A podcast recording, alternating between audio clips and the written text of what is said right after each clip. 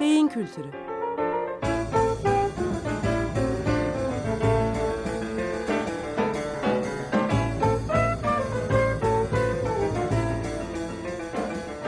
Tarihten, sanattan ve edebiyattan örneklerle beyin.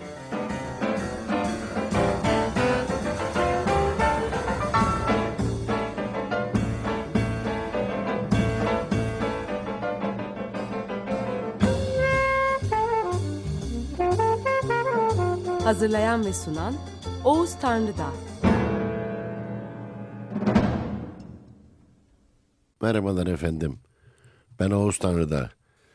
Beyin Kültürü programına hoş geldiniz. Bugün 5 Ekim 2015 Pazartesi. Bugün sizlere bir e, seri başlatmayı düşünüyorum. İki program veya üç program sürebilir. Belki daha da ötesine taşabilir. E, bu seri e, programın e, giriş anonsunda da e, her hafta duyduğunuz gibi e, ve ne yazık ki bugüne kadar e, çok fazla örneklerini de e, verme fırsatı bulamadığım nörobilim ve edebiyat e, ilişkisi üzerine bir seri. E, yani ilk duyuşta tabii hayret uyandırıyor. E, klasik algı zemininde ve hepimizin e, zihinlerinde yer etmiş kavramların ilişkileri içinde e, ne alakası var e, bu ikisinin diye doğal bir soru e, gelebiliyor akıllara. Yani nörobilim e, tanındığı kadarıyla, kabul edildiği kadarıyla çok özel bir alan ve pozitivist bir e, bilim dalı. E, bilimsel anlayışlar bakımından sert denebilir. Yani psikiyatriyle karşılaştırıldığı zaman kuralları olan e, rasyonel ve pozitivist e, bir, bir şey, bir bilim dalı ve e, bir, bir keresinde söylemiştim. Yani modernizmin çocuklarından bir tanesi nörobilim. E, edebiyatta malum e, tamamen e, sanatın yüce e, alanlarından bir tanesi ve e, çok daha eskilere uzanıyor. Bunların arasındaki ilişki e, hangi zeminde oluşuyor e, ve ve e, bugün günümüzde bunlar niye yakınlaşmış birbirine? E, bunların yakınlaşmasının e, bize ne faydası var? E, bu uzak kabul ed- ettiğimizde dünya görüşümüz ne olabilir? Bunları yakın kabul ettiğimizde yeni bir e, zihni senteze mi ulaşırız? Bütün bunlar aslında merak konusu. E, tabii genel bir kural olarak şunu söylemeliyim. E, yani geçmişte e, farklı kabul edilen kavramların e, belli bir süre sonra e, birbirine yakınlaşması ve e, hiç alakasız gibi görünen kavramların e, birlikte bir başka bir e, boyutu oluşturması e, hiç kuşkusuz e, düşünce tarzlarını, yaklaşımlarını e, değiştiren bir olay olsa gerek. Yani bunun e, bir e, birbirinden ayrı kabul edilen e, özellikleri çok iyi bilinen ve ayrı kabul edilen iki kimyasalın e, bir laboratuvarda bir araya getirilmesinin denenmesiyle e, başka bir kimyasalın oluşmasından hiçbir farkı yok. Yani şunu söylemeye getiriyorum. E, çok net olarak da söylemeliyim aslında. Nörobilim e, ve edebiyatın ne alakası olabilir diyen zihinlerle nörobilim ve edebiyatın günümüz bilgi dünyasında, e, günümüz dünyasında nasıl e, ilişkisi olabilir, e, bu ilişkiler nelerdir de, e, diyen zihin yapısı arasında bence çok önemli farklılıklar var. Birisi geleneksel e, bir bilgi zemininin temsili oluşturduğu halde öbürü e, geleceğe ve belirsizliklere doğru yelkenin açıldığı, yeni bilgilere kapının aralandığı bir e, çaba olsa gerek. Geleneksel bir bilgi ve algı zemininde e, dediğim gibi yani nörobilim ve edebiyat çok farklı alanların uğraşı, e, uğraşısı ve bu zeminde ikisinin ilişkisinden söz etmek gündelik hayata girmiş bir şey değil. Ancak e, dediğim gibi bilimsel bilginin özellikle 20. yüzyıl içinde yoğunlaşması ve bu yüzyılın sonlarına doğru e, daha önceden birbirlerinden çok ayrı kabul edilen e, birçok alanın yakınlaşmasına paralel olarak e, nörobilim ve edebiyatında yakınlaşması söz konusu olmuş ve tabi bilgi ve bilim alanındaki e, her yeni yakınlaşmaların yeni disiplinler arası bilgi alanlarının ortaya çıkmasına neden olması da hiç de şey değil, sürpriz değil. Bu yakınlaşma başlangıçta birbirlerine yakın alanlar arasında oluşmuş kuşkusuz. Yani e, ne, ne gibi? E, diyelim ki anatomi var e, ve nörobilim var. Yani bunun ikisinin tabii ayrı bir meslek ve bilim zemini taşıdığı kesin. Ama e, nörobilimi öğrenmek, anatominin kurallarını öğrenmek de mümkün olduğu için belli bir süre sonra nöroanatomi diye bir sentez ortaya çıkmış. Bu çok e, kabul edilebilir, makul ve beklenebilir bir e, yakınlaşma. Ama bir de birbirinden uzak kabul edilen alanların e, çok farklı kabul edilen alanların e, arasında e, ki yakınlaşmalar söz konusu olunca da üzerinde durup düşünmek gerekiyor. Ve bu nörobilim ve edebiyat bu birbirine uzak alanlardan, hiç kuşkusuz çok uzak alanlardan ikisidir ve aralarındaki yakınlaşma e, tabii ki e, bu e, birbirine benzerlerin yakınlaşmasına göre e, daha geç oluşmuştur, sonradan oluşmuştur ve bunlar e, aslında e, yakınlaşmasının gerekçesini şu şekilde ifade etmemiz mümkündür ve gerekçeleri var. Yani bu yakınlaşma e, aslında hiçbir yakınlaşma nedensiz olmaz. Bilim ve bilgi alanındaki yakınlaşmaların üstelik de bir ispata yönelik, kanıta yönelik e, dile getirilmesi gereken mecburiyetleri vardır. Bilimsel bilginin yoğunlaşması ve bilim yoluyla farklı açıklama yollarının ortaya çıkması e, şöyle bir bu e, gelişmelerin edebiyat üzerine bir etkisini e, yokladığımızda kere edebiyatta yeni türlerin ortaya çıkmasına yol aç, e, açmış bu yakınlaşma. Bunun en büyük örneği bilim kurgu edebiyatı ve daha sonra da popüler bilim edebiyatı ve anlatımları bunlara örnektir.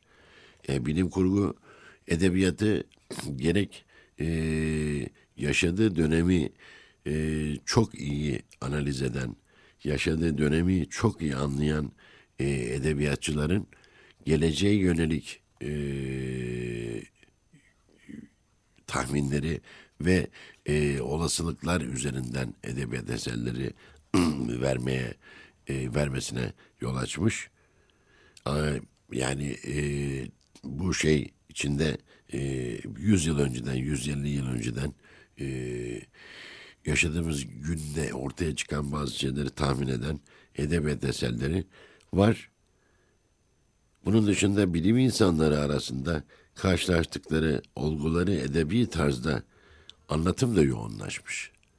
Yani bir e, bu bir edebiyatçılar arasında bilimsel gelişmeleri iyi anlamış e, ve e, 100 yıl sonrasını tahmin etmiş işte denizlerin altında, altında e, 20 bin fersah gibi ondan sonra e, dünyanın çevresinde 40 e, günde devre alem gibi e, görülmeyen şeylerin tahmini gibi edebiyat ürünlerine yol açmış.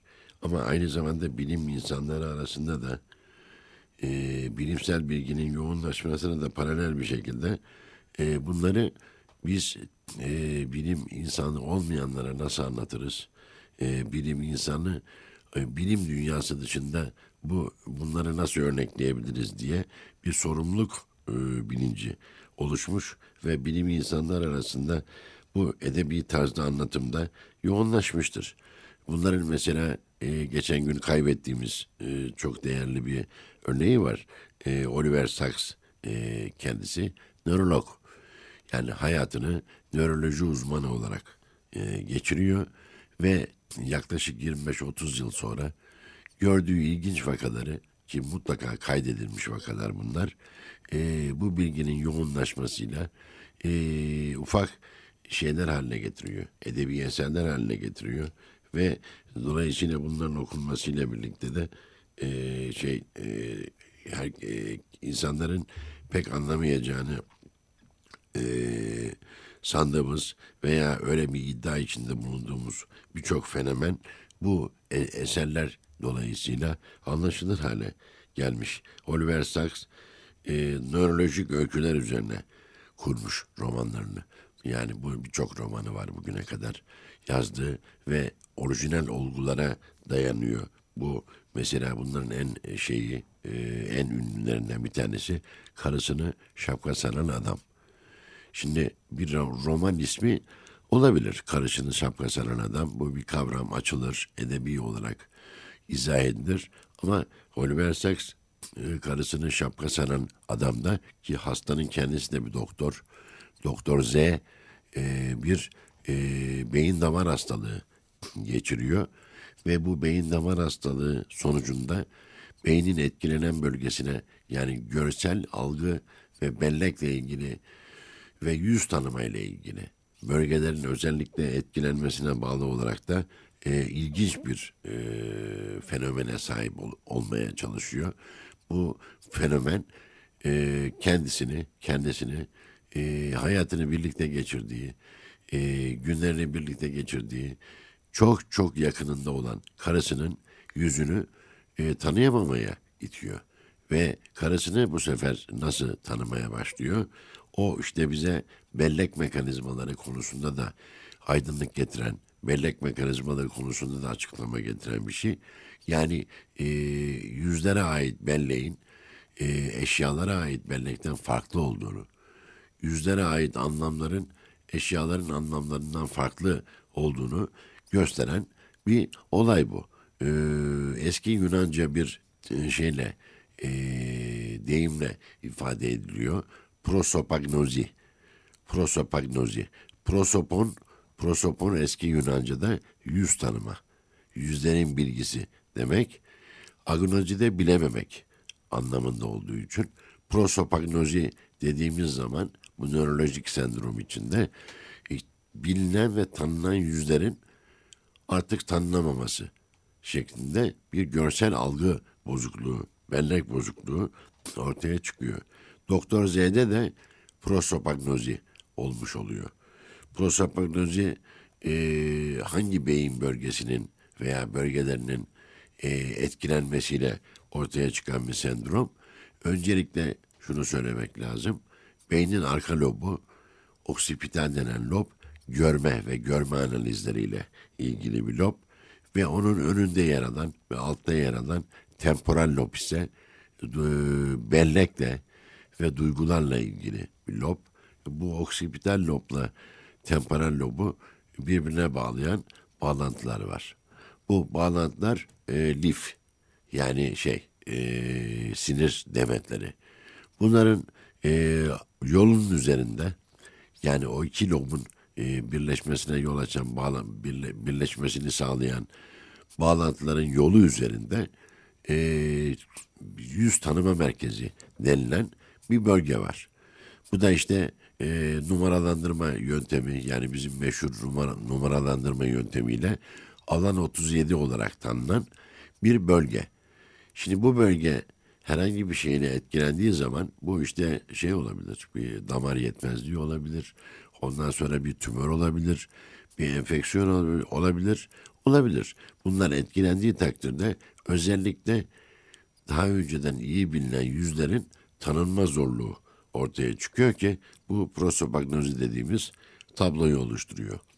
Oliver Sacks'ın romanında da Doktor Z karısını karısının yüzünü karısının taktığı şapkadan tanıyor. Ve o zaman anlıyoruz ki şapka genel anlamları olan ve e, herkesin yani her şapkayı giyebileceği genel bir kavram. Ona ait bir bellek var. Bu bellek bozulmamış oluyor. Ancak eşinin yüzü, karısının yüzü o şapkayla yani ona onun sahip olduğu eskiden beri giydiği şapkayla birleşince bu sefer e, o şapka yoluyla eşinin yüzünü tanıyabiliyor. Yoksa eşinin yüzünü tanıması söz konusu değil. Yani böyle bir şey fenomen üzerine yazılmış bir şey bu. Ki beynin güzel, gizemli yanına çok ışık tutan, bellek mekanizmalarına çok ışık tutan aslında herkesin de anlayabileceği bir e, fenomen. Dolayısıyla Oliver Sacks'ın karısının şapkasının adamla birlikte e, yazdığı birçok e, roman, roman bilim kurgu değil ama bilimsel popüler roman e, nöroloji bilincini, beyin e, bilgisini e, yeryüzünde en güçlü bir şekilde yaygınlaştıran etkenlerden bir tanesi. E, Oliver Sacks'ın e, Nobel Edebiyat Ödülünü almadığını biliyoruz. Ama ben şunda yani mikrofonu bulmuşken kendisi bilimle uğraşan aynı zamanda amatör bir e, edebiyat meraklısı olan bu fenomenlere çok ilgi duyan, heyecan duyan bir insan olarak Oliver Sacks'ın bu derin katkısından dolayı e, neden Nobel Edebiyat Ödülü almadığını e, hayretle soruyorum. Olmadı ama. Bunlara ek olarak e, bazı edebiyatçıların e, bazı edebiyatçıların insanda gözlediği, insan davranışlarında gözlediği ve sonuç olarak e, bunu beyne bağladıkları zaman beynin nasıl çalıştığı konusuna merak duyduklarını görüyoruz. Bazı bilimcilerin ise beynin edebiyatı nasıl yarattığı konularında meraklarının arttığını görüyoruz. Yani e, insan beyninin davranışların organı olduğunu kabul eden ve davranışların, karakterin, kişiliğin, duyguların havadan gelmediğine, beyinden geldiğine inananlar tabii ki bunun nasıl çalıştığını merak ediyorlar. Bunların arasında edebiyatçılar da var. Edebiyatçılar e, bu merakları içinde kendi e, uğraş alanları ile ilgili sentezleri deniyorlar. Çok heyecan verici bir e, çalışma alanı bu. Bazı bilim adamları ise e, beynin çalışmasına daha önce yakın olan insanlar olarak edebiyatı nasıl yarattığı konusunda meraklarının arttığını görüyoruz. Yani edebiyat e, çok ciddi ve kavramsal, imgesel bir e, beyin faaliyeti. Bunun içinde e, ne var? En başta bellek var. Sonra dil var. Bunun ifade biçimi var. Dikkat var. Duyguların analizi var. Gözlem yapma gücü var. Yani zihnin bütün e, özelliklerinin, zihnin bütün e, şeylerinin, farklılıklarının, farklı işlevlerinin içinde birleştiği bir çaba edebiyat. Yani bizim muhteşem edebiyatçı dediğimiz, çok iyi edebiyatçı dediğimiz insanlar bize bu duyguyu taşıyan insanlar. Yazdıklarıyla bu duyguyu taşıyan, bizi hayretten hayrete sürükleyen insanlar. Böyle şeyleri var. Böyle kaynakları var bu ilginin. Ee, hatırlıyorum. Ee, aslında bir sunumumda sunumumda slide de yapmıştım bunu. Böyle slaytlar yapmayı da seviyorum. Yani çok böyle bilimsel slaytlar e, yanı sıra e, insanların nereden buldu bu örneği de, e, diyebileceği gündelik hayatın içinden örnekleri de vermeyi düşünüyorum. Bir sunumumda bir örnek vermişim. E, Yekta Kopa'nın 14 Mart 2013 tarihli Milliyet Kitap Eki'nde e, psikiyatristin zihnine yolculuk isimli bir şey yazmış. Bir yazı yazmış. Bu çok ilgi, benim ilgimi çekti.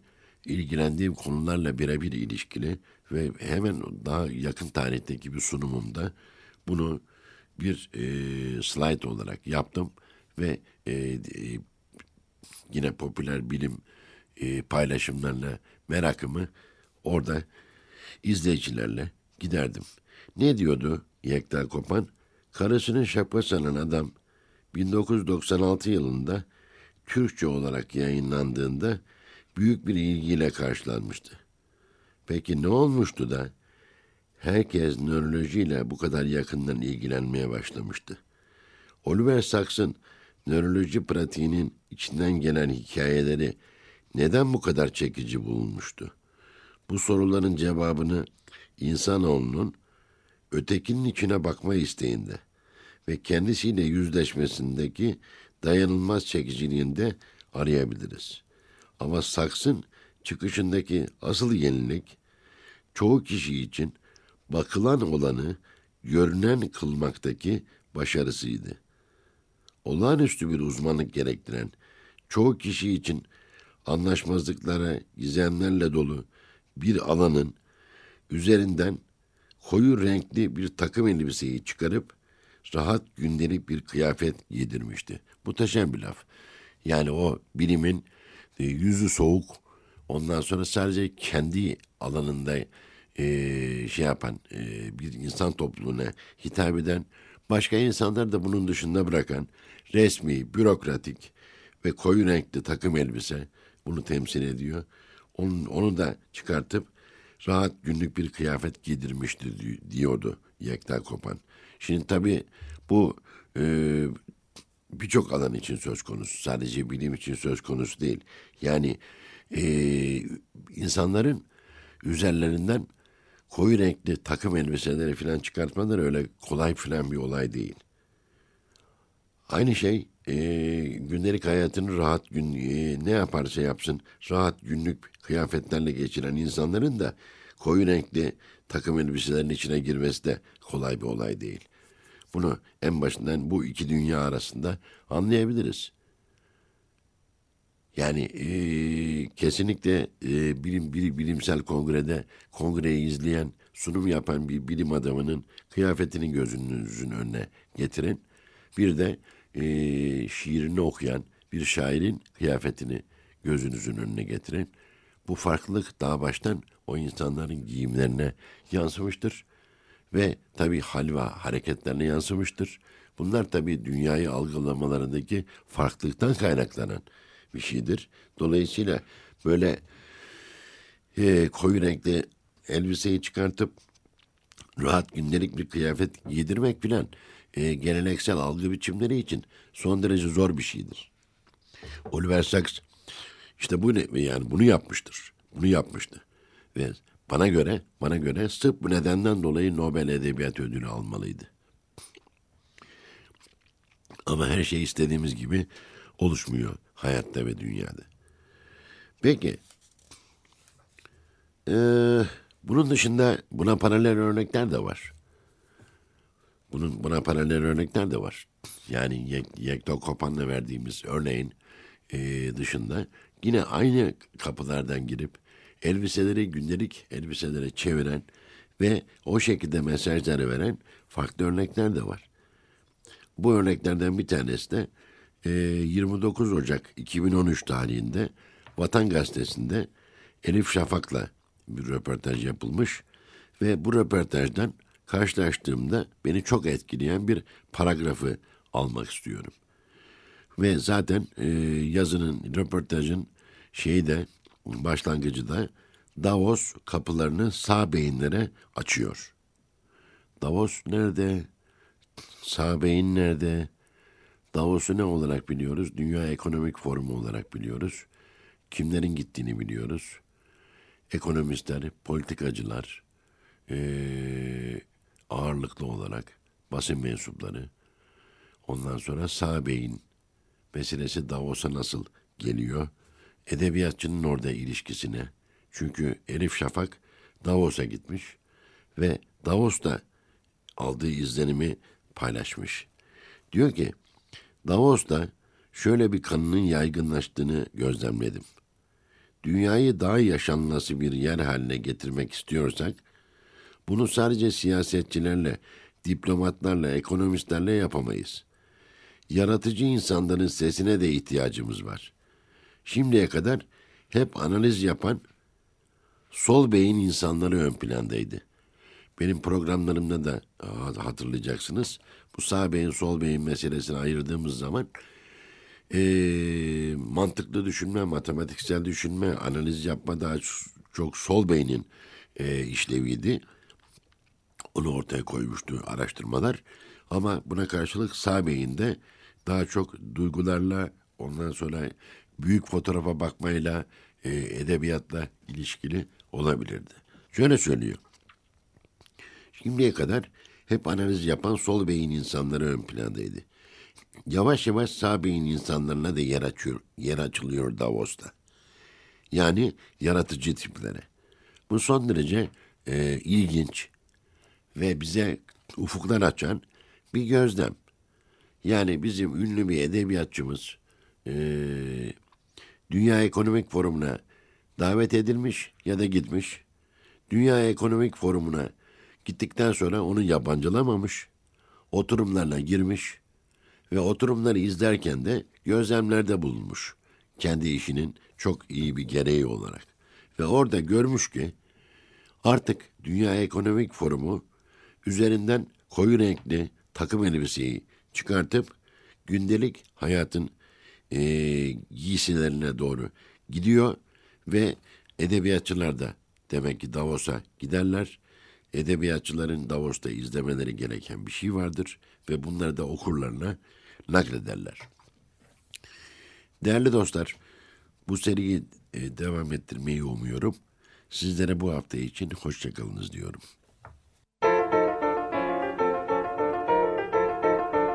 Kültürü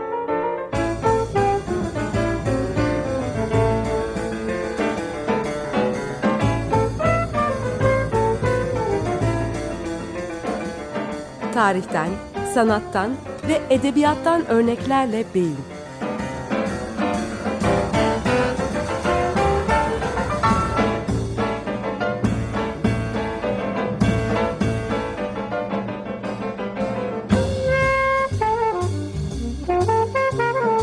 Hazırlayan ve sunan Oğuz Tanrıdağ.